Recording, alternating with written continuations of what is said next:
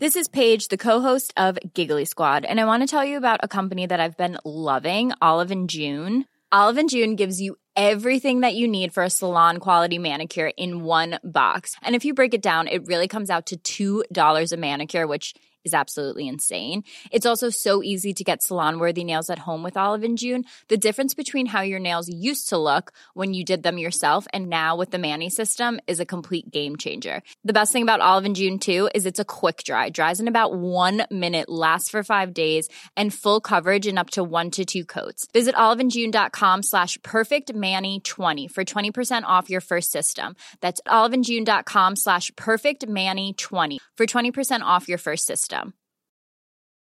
There's never been a faster or easier way to start your weight loss journey than with PlushCare. PlushCare accepts most insurance plans and gives you online access to board-certified physicians who can prescribe FDA-approved weight loss medications like Wigovi and Zepbound for those who qualify. Take charge of your health and speak with a board-certified physician about a weight loss plan that's right for you. Get started today at plushcare.com slash weight loss. That's plushcare.com slash weight loss. plushcare.com slash weight loss.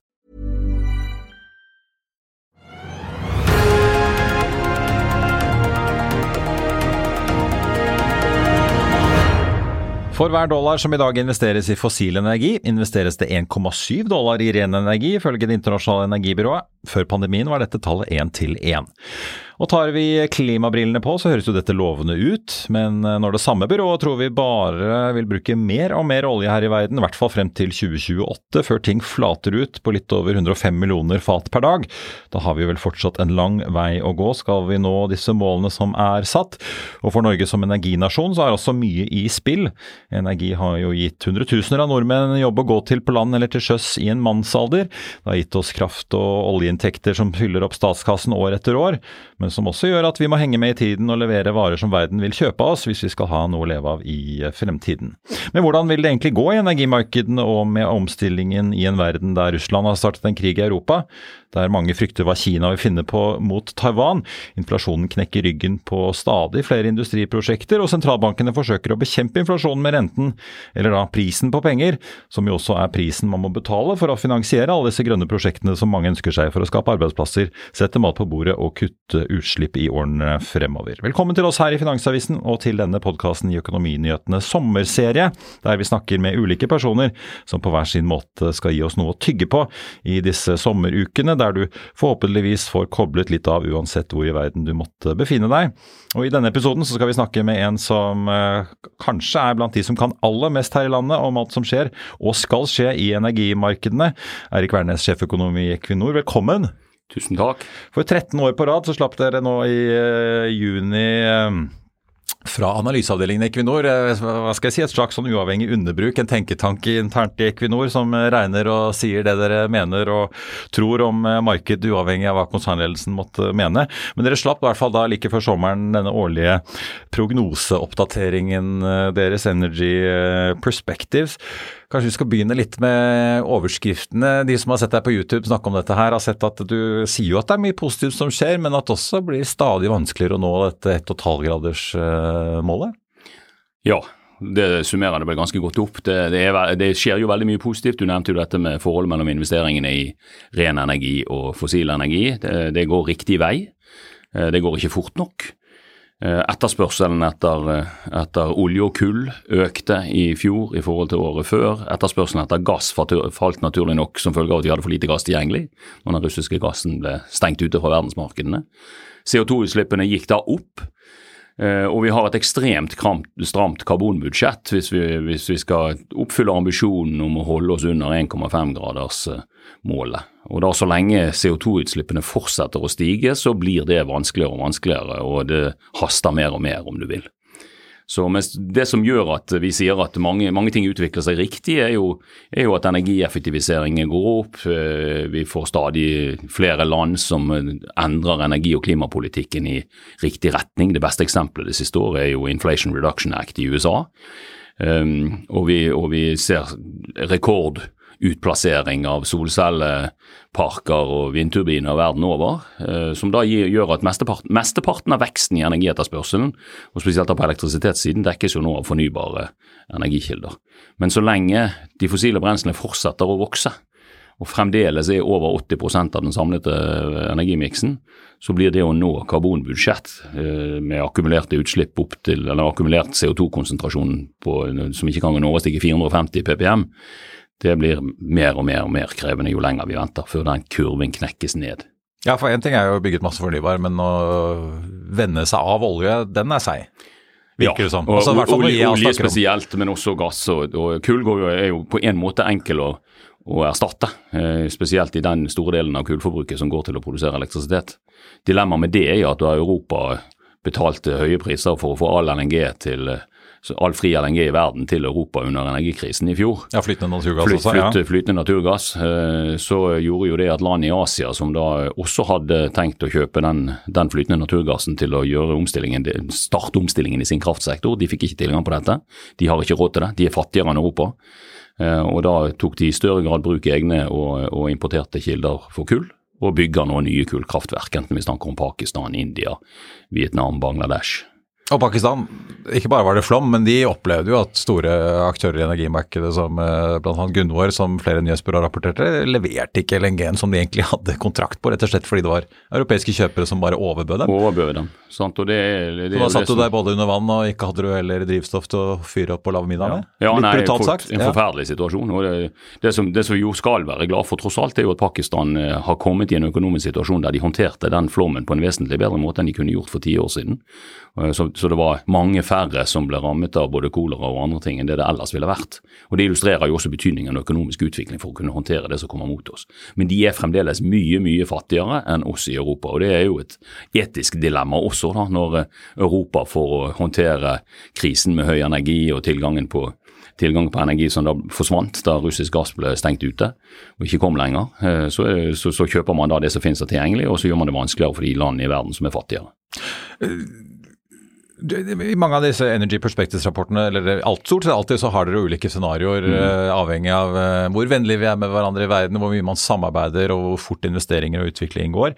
Og dere har jo gjerne noen sånne rivaliserings- eller krigsscenarioer hvor liksom, ja, hvis verden steiler mot hverandre, og sånn som vi har nå på det europeiske kontinentet, vi har krig, så blir jo også utviklingen påvirket av uh, det. Én ting er jo hva som skjer i asiatiske land med dårligere råd enn oss selv, men jeg har også merket meg, jeg leste i, i Jyllandspostens finans finans, hvordan de omtalte hvordan danske varmekraftverk, som vel i sin tid sikkert gikk på kull, vil jeg tro, nå har skuffet inn eh, treverk også fra Norge, som ellers mm. hadde gått på, til å lage papir og europaller og andre nyttige produkter. Eh, rett og slett bare fordi at eh, de måtte brenne det for å lage nok strøm og varme for å holde liv i danske husholdninger gitt at Russlands energieksport til Europa var såpass redusert som den var. Ja. Så dette påvirker jo også i gåsehudene land som man skulle tro var ganske grønne? Ja, ja, ja. Nei, og Det er jo det som er dilemmaet. Når, når, Uten at det regnes med CO2-utslipp? da? Ja, denne biomassen, men det, ja. ja, men det kunne jo alternativt bidra til negative utslipp da, hvis du, hvis du lot være. sant? Så, så, det er jo, og, og det er jo det er jo også måten vi regner på her, og ja, hele den debatten rundt, rundt negative karbonutslipp og, og naturlige karbonlager og skog, og den kommer jo også. Men det er klart at når energiprisene ble høye nok, så man diskuterte jo, og man, man fyrte vel opp noen oljefyrt eller kraftverk i Sverige også i, det, da prisene var på det høyeste i fjor. Eh, og Det illustrerer jo på en måte at tilgang på energi eh, det overskygger, Hvis den er truet, så overskygger det det meste annet av, av litt mer langsiktige problemstillinger.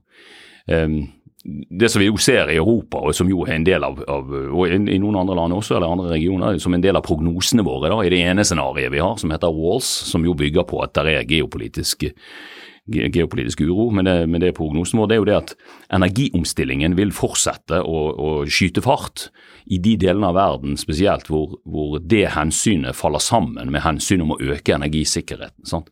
Sånn at, at Burde vi gjøre det uavhengig det, av energiimport, da? Ja, ja sant? Du, du, vil gjøre det mer uavhengig av energiimport fra regioner du ikke stoler på, eller som er geopolitisk eh, konfliktutsatte. Uh, og, det, og, Da vil du legge til rette for å utnytte dine egne energikilder, og de er jo typisk fornybare. Det er vind og sol, der hvor det er vind og sol. Så der vil energiomstillingen skyte fart. Men i andre land der det ikke nødvendigvis er like enkelt, eller der hvor, du må velge mellom det ene eller det andre, så vil energisikkerhet overskygge og, og, og vinne prioriteringen, i hvert fall på kort sikt. Uh, og, når du da får, sitter i India nå og skal, skal, vurdere om du skal gjøre det ene eller det andre, og få tilgang på noe billigere russisk olje enn det du ellers ville gjort, så kan, så kan det legge til rette for en energiomstilling som er, er fantastisk for India. fordi det, det, å, det, å, få LPG og slippe å brenne ved, uh, øker, øker, kvaliteten i økonomien, det reduserer den lokale forurensningen og det bidrar til økonomisk vekst. Men det bidrar jo da også til globale CO2-utslipp. Mm. Hvordan ser du på Nå har vi jo sett på en måte konsekvensen av, i hvert fall i første omgang, hva som skjedde da Russland altså invaderte, invaderte Ukraina, og hva det gjorde med energimarkedene her hjemme. og Et da voldsomt rush for å gjøres fri seg fra russisk energiimport. Mange frykter hva Kina kan gjøre med Taiwan. Er det mm. på en måte den neste store potensielle krisen også for energimarkedet?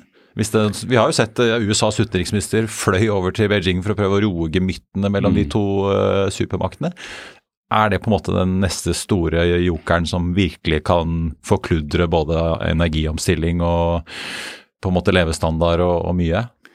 Ja, det, altså, det, er en, det, er jo et underliggende geopolitisk eh, punkt eh, som skaper en enorm usikkerhet. Eh, den konflikten ligger der og, og murrer i bakgrunnen hele tiden. Eh, hvis, hvis, hvis den utløses ved at, eh, og forsterkes ved at Kina skulle invadere Taiwan, så får det jo dramatiske sikkerhetspolitiske konsekvenser primært. Konflikten mellom Kina og Vesten vil jo da aksentueres. Eh, og det vil jo ha betydning for det første for, for forsyningskjeder og, og, vår avhengighet av microchips fra, fra, Taiwan, som jo USA nå forsøker å respondere på med en egen lov som heter CHIPS, The CHIPS Act.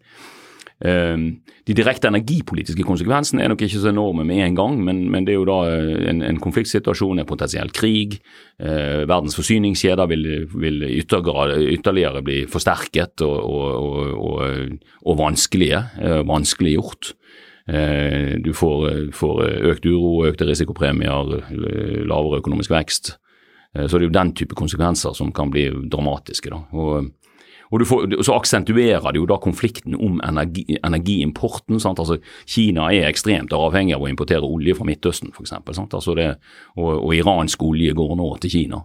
Eh, i en, sånn, eh, i en sånn forsterket geopolitisk konflikt, så blir jo den type forsyningslinjer også veldig kritiske, og, og da utsatt for eh, både krigs- og terrorhandlinger. Så, så, så, det er en det å eskalere de ulike typene geopolitisk konflikt som du kan, kan, se utenfor der, det er ikke bra for noe som helst, og heller ikke for energiomstillingen. Nei, for dere har jo også i årets uh, rapport sett på mineraler. altså mm. Vi vet jo litt som du er inne på, halvledere laves jo veldig i stor grad i Taiwan. Men veldig mange av ingrediensene mm. som trengs for både havvindmøller og elbilbatterier og mange andre fossilbaserte produkter vi omgir oss med, kommer jo fra sjeldne jordarter og myrart som Kina mm. kontrollerer. Ja. Nei, de, de, har, de, har, jo en del ressurser, men de kontrollerer veldig mye av dette. De kontrollerer veldig mye av, av prosesserings- og raffineringsmulighetene. De eier gruvene eller finansierer de der i ulike utviklingsland. Um, og, og de, de, trenger vi da mye mer av. Vi har sett på hvor mye mer vi trenger for bare å, å levere på, på uh, veksten på vind og sol. Uh, altså produksjonen av elektrisitet fra vind og sol. Vi har ikke sett spesielt i år på, på alt det andre som hører med, nemlig batterier og lagringsmedier og, og, og nettinvesteringer som kommer i tillegg. Og det er jo eh, store tall. Eh, det som kjennetegner mineralutvinning og prosessering og raffinering og, og metaller, er jo relativt lav tetthet i, i, gruvene i forhold til den mengden masse du må flytte i forhold til det du kan bruke. Eh, det er energikrevende. Eh, disse ligger i, i regioner og land, de, er ofte konsentrert og ligger ofte i regioner og land som er, som er utsatt for, for, ulike typer regionale geopolitiske eh, faktorer. Indonesia har nå kalt, eller spurt om å få opprettet kartell på nikkel som ligner på OPEC. Vi får et nytt OPEC, holdt jeg på å si. Ja, og Chile har, eh, har, varslet nå kommer vel det neppe til å skje nå, men Chile har jo også varslet nasjonalisering av sine litiumressurser. Så du får den type, I en situasjon, i en situasjon der, vi ikke, der, vi ikke, samarbeider veldig godt, så får du den type faktorer også til å spille inn på dette. Um, vi kommer til å måtte gjøre oss uavhengig av Kina, eller, annet, eller mer uavhengig av Kina også i, i dette markedet hvis etterspørselen fortsetter å vokse så mye. for det er begrensninger for hvor mye Kina kan produsere. Kina er blitt et mellominntektsland. Det, det, det demografiske, demografiske, overskuddet som Kina har hatt, er ikke der lenger. De har, de har nå urbanisert befolkningen. Befolkningen er på vei ned. Så Hvis de skal være med, så er det grenser for hvor mye mer de kan produsere og levere.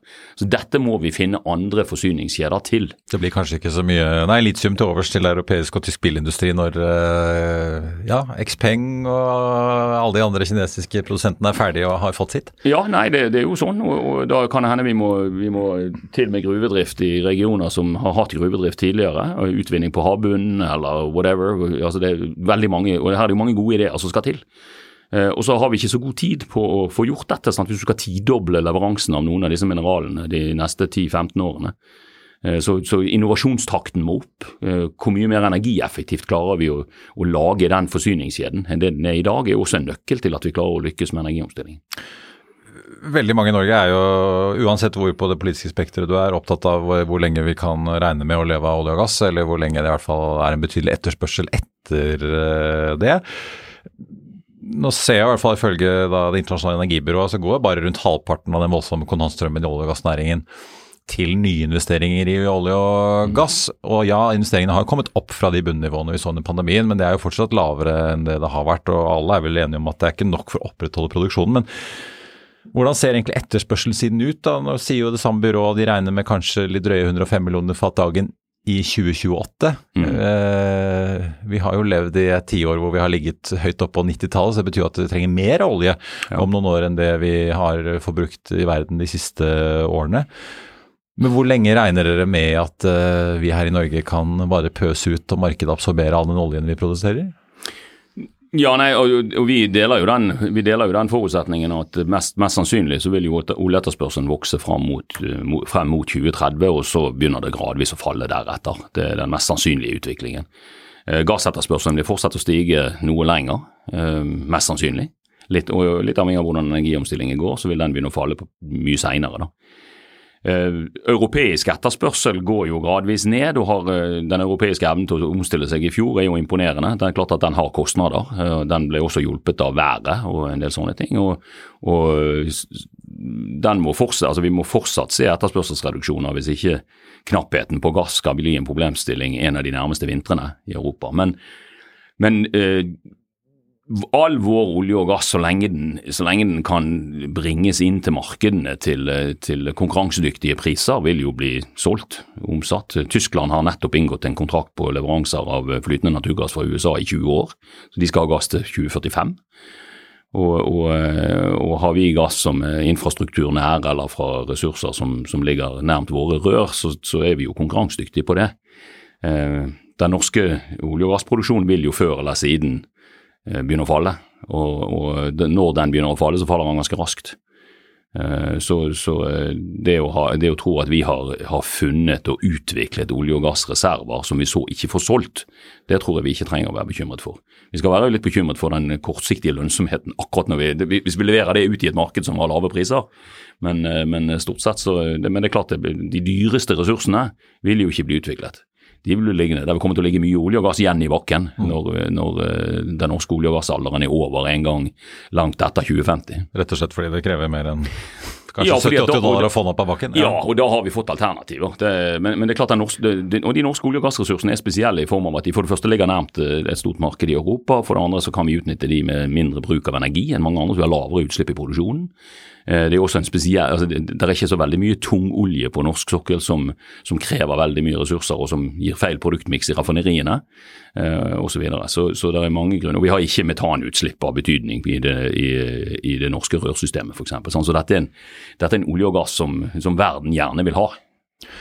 Men hvor trygge er dere på den etterspørselen? da? Du hadde et ganske interessant eksempel da vi snakket på veien her. Eh, vi snakket litt om flybestillinger. Det kom jo på, på flyshow i Paris her eh, på forsommeren, så kom jo uh, flere med store ordre. Men Air India var kanskje det mange la merke til. 500 fly ja. fra Airbus. Og og det, Du hadde kalkyle på hvor mange fat det utgjør om dagen i olje? Ja, det altså, de, de vil jo bli levert til Air India, som da er et, et moderne og, og, profesjonelt flyselskap som da vil, vil kreve og vil ønske å holde de flyene flyende ganske mange timer per dag. Og med normal utnyttelse av den kapitalen så tilsvarer dette 100 000 fat olje per dag i 20 år. De flyene vil jo da fly i 20 Skrotes år. i kanskje 2050 eller Ja, og, 55? og bytter du, altså de 20-25 år vil de i hvert fall fly, sant? og du bytter gjerne, bytter gjerne motor på de innimellom, men de flyr nå. Og, og, og de vil jo da fly på flybensin, eh, inntil vi har fått eh, eventuelt byttet den med biomassebasert eh, bærekraftig flybensin, altså så det, det alle kaller SAF, Sustainable Aviation Fuel. Eh, Men det skal jo lages, og det skal jo finnes. og det skal finnes. Så, så det er et eksempel på kapitalutstyr som nå settes i bruk. Både fly og, og det som er igjen av forbrenningsmotorbiler som blir solgt, og det er fremdeles de fleste. Eh, Og de fleste bilen, nye bilene i verden er også tunge, store SUVs.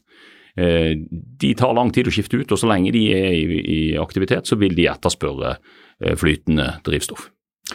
Vi er tilbake med Eirik Wærnes eh, rett etter dette. I'll see you in court. Vi sier det ofte litt på spøk, men for deg som driver business, er det aldri moro å innse at du ikke har laget en 100% gyldig kontrakt. Du bør ikke risikere hele firmaet ditt fordi du synes dette med kontrakter er litt stress.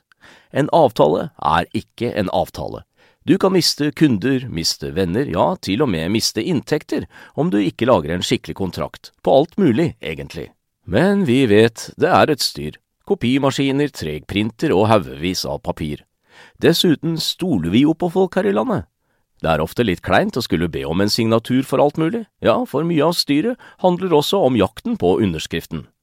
Det finnes en enkel måte å løse dette på, Dukkobit, en trygg, effektiv og get this, gratis måte å sikre seg en god natts søvn pluss en juridisk bindende avtale. Dukkobit-appen har de strengeste sikkerhetskrav i bunn, samt en EU-godkjent og sertifisert teknologi. Framover vil det bli behagelig å spørre du, skal vi skrive under på det, eller? Kom i gang på dukkobit.no. Nå, Erik, apropos disse flyene og bilene. Du nevnte jo SAF, altså bærekraftig flydrivstoff, Mm. litt eh, enkelt eh, forklart. Eh, Så kan man diskutere hva som er veldig miljøvennlig av bio- eller syntetisk drivstoff eller ikke. Men er det, er det noe av dette som på en måte nevneverdig grad kommer inn og kan erstatte etterspørselen fra skipsfarten, eh, biler, fly i nærmeste fremtid? En ting er selvfølgelig å måle elbilsalget, det er veldig greit, for de vet det, det går på strøm. Så kan man jo se på hvor den strømmen kommer fra, men da vet du i hvert fall at den bruker jo ikke da en liter bensin, den bilen. Men eh, en vanlig bil eller et fly kan jo gå på mange typer eh, drivstoff. Når, når kommer liksom inntoget av disse nye f- fossile erstatningene? da? Ja, og da, da i, vår, i vår, vårt prognosescenario, da, Walls, som er et 2,2-gradersscenario, og sånn sett mye grønnere enn det vi trodde bare for noen år siden, og grønnere enn det FN eh, nå legger til grunn som, som sitt, eh, sitt, sin prognose. Um, der kommer jo dette gradvis. Altså det, og da, da vil det, og det, det, det, står, det vil jo da utvikles i, i tråd med en regional energi- og klimapolitikk som må stimulere det. Eh, og det vil da utvikles i konkurranse med, med andre alternativer. Og Fordi vil- det er dyrt. ja, det, altså det, Ja. og det er, ny, det er ny teknologi en del av det, og vi må, vi må finne ut måter å gjøre dette på så bærekraftig som mulig. Vi må skaffe til veie biomassen osv. så videre. Og det kommer vi, men gradvis. Og, og altfor sakte til å nå klimamål. Eh, men, og da er det jo det vi snakker om, egentlig bruk av hydrogen primært, da, som eh, gjøres om til flytende, flytende hydrogen i form av ammoniakk eller kanskje metadol, eh, som brukes i shipping. Og så er det da, er det da biomasse eller bio, biodrivstoffbasert, eller det kan jo da for så vidt òg være e-fuels, altså hydrogenbasert fuel, men vi tror mest sannsynlig da biomasse inn i luftfart. Det er de to delene av transportsektoren som er mest vanskelig å elektrifisere, sant? så da må du gjøre noe annet. Eh, I lastebilsektoren så vil det nok òg være en del, altså langtransport og sånn, vil du nok se litt av det. Eh, Men der tror vi mer på elektrifisering på, i, i, i- stort. Hvis du skal nå klimamål, så må jo dette skje fort.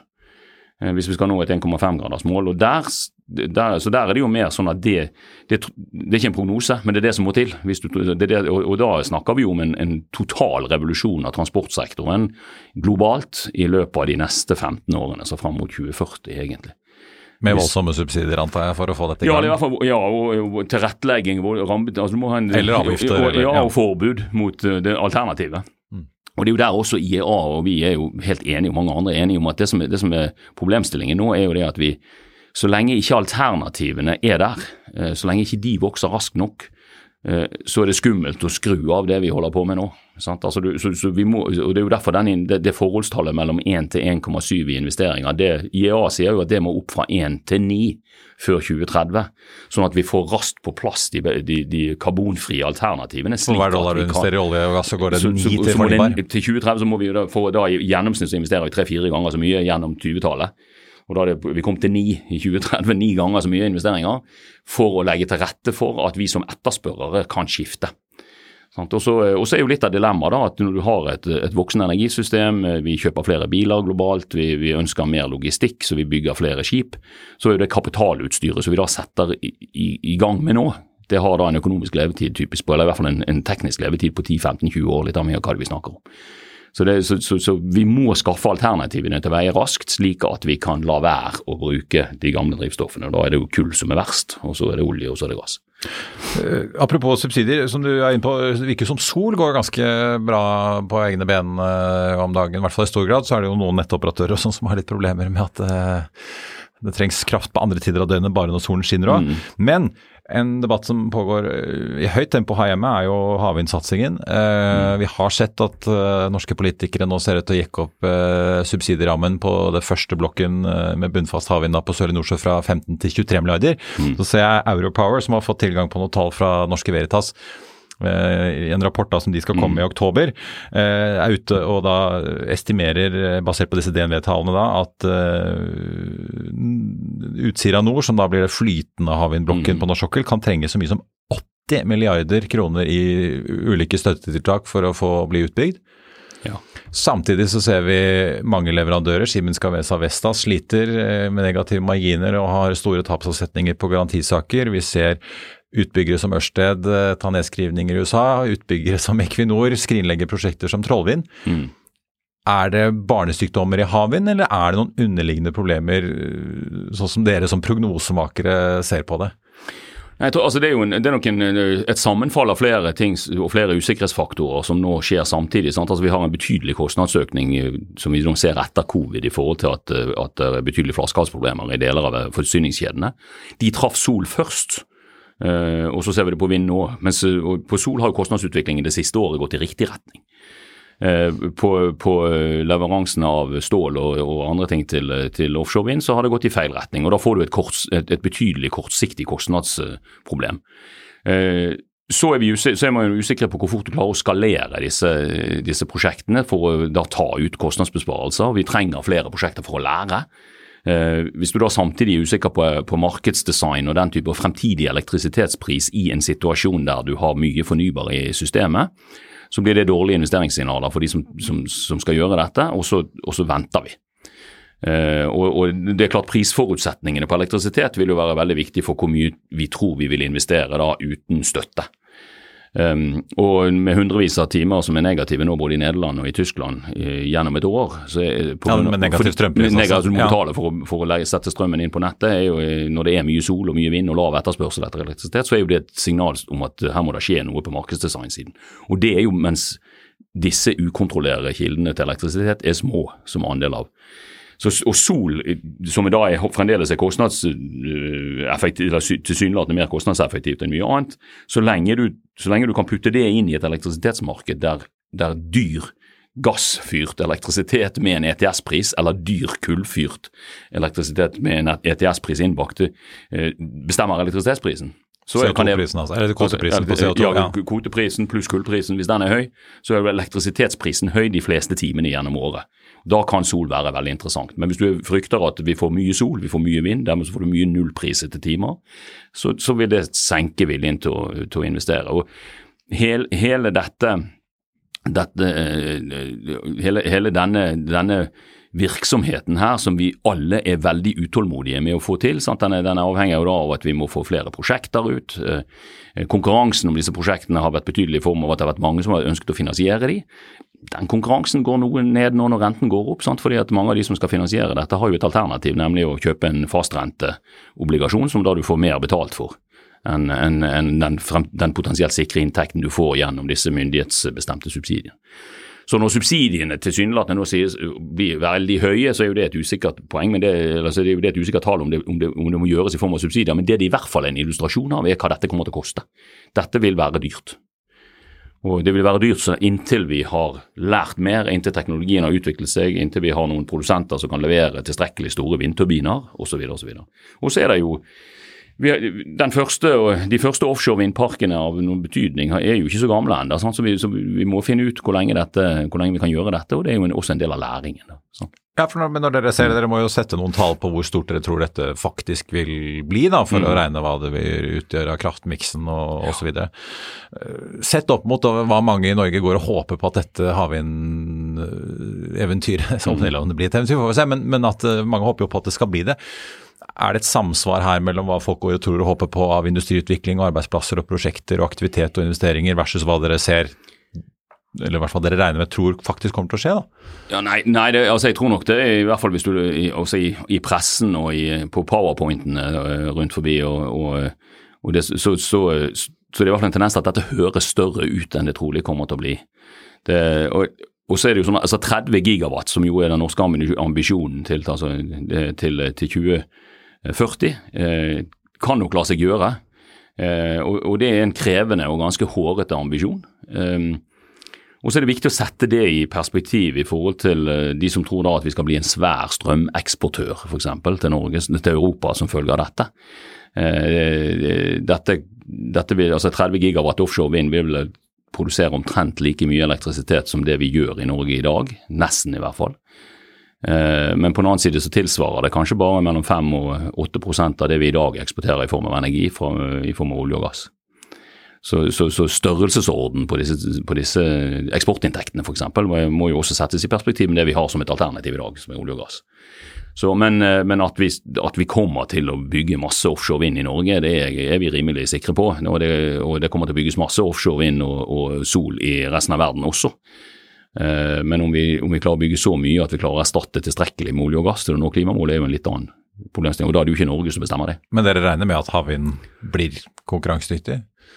Ja, og det, og det, må gjøres konkurransedyktig. Altså vi, vi, må få også få endringer i rammebetingelsene. og da Ikke nødvendigvis på subsidiesiden hele veien, altså på kapitalsubsidie, men også på markedsdesignet som gjør at vi har en trygghet for prisene mm. når vi produserer strøm. Uh, og det er også Vi må ha et nett som gjør det mulig å lagre når vi har overskuddselektrisitet, og som gjør det mulig å ta ut elektrisitet av batteriet når vi trenger det. Og Det har vi ikke i dag. Det er jo litt interessant med havvind. Det er jo veldig mange politikere som snakker begeistret om dette her, og mange i industrien vil at det skal bli stort. Tidligere i sommer så hadde jeg besøk av LOs sjeføkonom Roger Bjørnstad, som egentlig var mer opptatt av utviklingen innen CCS, altså karbonfangst. Mm med tanke på norske arbeidsplasser og norsk industri. og Poenget hans er jo at eh, skal vi ivareta alle de enorme verdiene som tross alt ligger i all den gassen som er ute på norsk sokkel, så er karbonfangst, og at du da kan lage blått hydrogen med karbonfangst og -lagring eh, og selge dette hydrogenet kanskje da til Europa eller andre steder, kanskje det aller viktigste. Mm. Uh, jeg har merket meg at uh, det er litt interessant å se på Exxon, fordi de blir jo ofte utskjelt for å være petrolheads, holdt jeg på å si. Mm. Ikke så opptatt av klima, mest opptatt av olje og gass. Men de meldte faktisk nå for ikke så veldig lenge siden før ferien at uh, de nå har fått nok en kontrakt på karbonfangst som gjør at de da, med dette nye prosjektet i Louisiana på stål, er oppe i en totalfangst da på fem millioner fat CO2 5 millioner tonn, unnskyld, mm. CO2 per år Eh, om ikke så altfor mange årene. Northern Lights, som Equinor er involvert i, og som er et stort norsk prosjekt, halvannen million tonn årlig i første fase. Ja, og fem, det, når, vi, og fem når det kommer i gang. Men likevel, amerikanerne begynner jo å få litt mm. størrelse på dette, de òg. Ja da, ja da, og de har, den, de har, jo den, muligheten at de kan bruke dette i større grad også til, til eh, økt olje- og gassutvinning. Sant? Altså Du putter det ned i et reservoir som gir mer olje og gass. Men når dere regner på det, er liksom karbonfangst, kan det redde alle disse verdiene under sokkelen som LO er opptatt av? Ja, det, kan, altså, det de i hvert fall kan gjøre, og det er jo derfor vi også satser betydelig på dette, så jeg er jo veldig enig med, med Roger i, i, i, å fokusere på dette også. Det er, en, det er for det første en mulighet for Norge. Det, vi er et av de landene i verden som har reservoarer der vi faktisk kan lagre dette. Dette er en eh, kompetanse som vi har utbygget og utviklet eh, de siste 30 årene, minst. Ehm, det er i, i, i, vår energimiks også i et 1,5-gradersscenario så trenger vi, er det jo noe, der er noen fossile brensler igjen som også skal brennes. Eh, F.eks. noe flybensin eh, osv. som er helt umulig å, elektrifisere. Eh, og Da må du ha karbonfangst og -lagring for å få utslippene tilstrekkelig ned. Eh, og Vi må ha mye av det. og vi, må jo også ha negative utslipp til slutt. og Det betyr at du må ha teknologier som tar mer CO2 ut av atmosfæren enn det vi putter inn, for å få negative utslipp, for å holde oss under disse karbonbudsjettgrensene. Et land som da har reservoarer tilgjengelig, vil jo da kunne tilby denne lagringsplassen. Vi vil kunne være med på å utvikle infrastrukturen som bringer den CO2-en fra de store utslippskildene, som vil være igjen, noen av de. Eh, og Vi kan da muliggjøre blå, bruk av hydrogen, eh, blå hydrogen basert på norsk gass. Eh, og I hvert fall i den fasen fram til vi potensielt har overskuddselektrisitet som vi kan gjøre om til grønn hydrogen. Uh, inntil videre så bør vi jo bruke all, all, fornybar elektrisitet til faktisk å produsere elektroner, og ikke til å gjøre det om til molekyler. Så blå hydrogen. og Det er en uh, interessant mulighet. En, det, vil også sysselsette norsk leverandørindustri, vår rørledningskompetanse, vår undergrunnskompetanse, Eh, vår lagringskompetanse. Og så får, eh, vi se hvem som tar, seg av fangstkompetansen, for den må jo også komme. Eh, og, og dette er en, som vi, vi, snakker jo med potensielle kunder både via Northern Nights og andre, andre måter. Vi har dette prosjektet med, eller denne avtalen med Tyskland når det gjelder å levere, potensielt levere først gass, så hydrogen gjennom ulike transportløsninger til Tyskland. Det er jo kjempespennende. Og det, det er jo en måte å ene er jo å sørge for at vi får godt nok betalt så vi opprettholder verdien på olje- og gassressursene våre, men det er jo også da å sørge for at verden får en eh, energiform som vi kommer til å trenge. Vi kommer til å trenge molekyler i fremtiden, men å unngå utslippene, eller å redusere utslippene så mye som mulig. Så CCS blir en, eh, det blir en stor butikk, tror du? Ja, det tror jeg. Og, og om man blir stor nok vi har i vårt, Det er jo et annet spørsmål i dette Bridges-scenarioet vårt, som da er et 1,5-gradersscenario. Så har vi 6 milliarder tonn tatt ut av atmosfæren i 2050 for å da bli netto negativ også. Så det er 1200 Northern Lights-tilsvarende anlegg eh, på plass i 2050. Nå er det 1370 uker eller noe sånt igjen til 2050, så vi må bygge et Northern Lights-anlegg i uken. Uke, mm. Så jeg ønsker Exxon Mobil all mulig lykke til. Vi kommer også til å kikke etter CO2-lagringsmuligheter CO2 i USA, og vi gjør det også i, eh, selvfølgelig rundt Nordsjøen, både i England og i Norge. Så vi må ha mye av det. Til slutt tenkte jeg må høre med deg eh, hvilken rolle atomkraft spiller, som jo mange, veldig mange plutselig har begynt å få øynene opp for å snakke om igjen. Men nå har jo faktisk dette famøse, må jeg uttale det riktig, da, Olki Luto 3-anlegget til finnene åpnet. 14 år forsinket eh, riktignok, og langt dyrere enn først planlagt. Men kostnaden på strømmen derfra ligger vel under den kostnaden i hvert fall DNV regner på flytende havvind, som jo er halvannen krone kilowatten. Mm. Eh, vi hører jo og leser i mediene at både Japan og Korea, mange europeiske land og delstater i USA nå åpner skuffene og løfter opp igjen gamle powerpoints eh, mm. om å bygge atomkraftverk.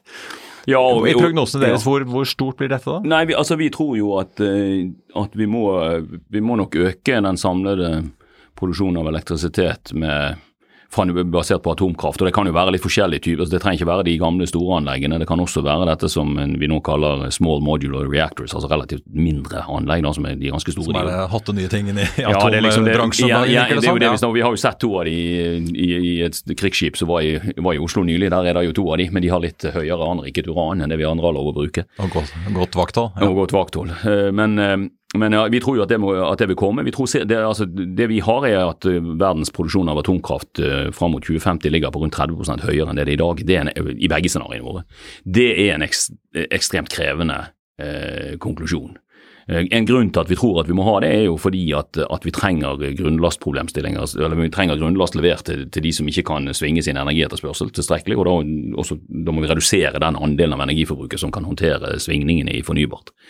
Eh, det er også noe med å få, få kullet raskt nok ut av energimiksen i det ene scenarioet for å få CO2-utslippene raskt ned.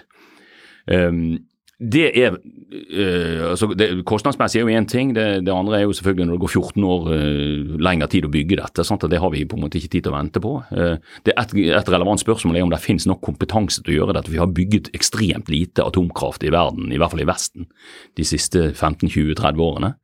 Så kompetansen til å gjøre det vi må på en måte, Der er nok noen som gjør det og kan gjøre det. Får vi aksept for det? Uh, NIMBY, bananer. Men det må komme, øh, tror vi. Og så er jo den problemstillingen at hvis du skal produsere 30 mer eh, Veldig mye av den eksisterende atomkraftkapasiteten begynner å bli veldig gammel. Den må ut, så vi da må erstatte den, og så skal vi bygge mer. Så vi tror det må til, men det er en veldig krevende forutsetning, det òg. Vi får se om uh, koreanerne ikke bare tar med seg planer for nye Hyundai og Kia-fabrikker i USA, og batterifabrikker også, får jeg si, men også planene om nye atomkraftverk mm -hmm. uh, når de tar turen både til Europa og USA. Og får vi si ikke minst om Saudi-Arabia klinker til med nye overraskende kutt i oljeproduksjonen. Erik Werner, sjeføkonom i Equinor. Det blir nok en uh, spennende høst også. Det gjør det. Spennende sommer òg, og spennende høst.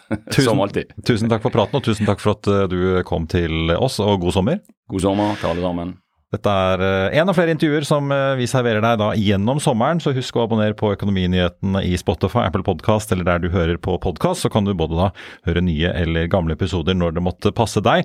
Mitt navn er eh, Marius Lorentzen, og vi er tilbake igjen med ordinære sendinger av Børsmorgen og Økonominyhetene fra den andre uken i august. I mellomtiden så ønsker alle vi her i Finansavisen deg en riktig god sommer videre, og så høres vi snart igjen.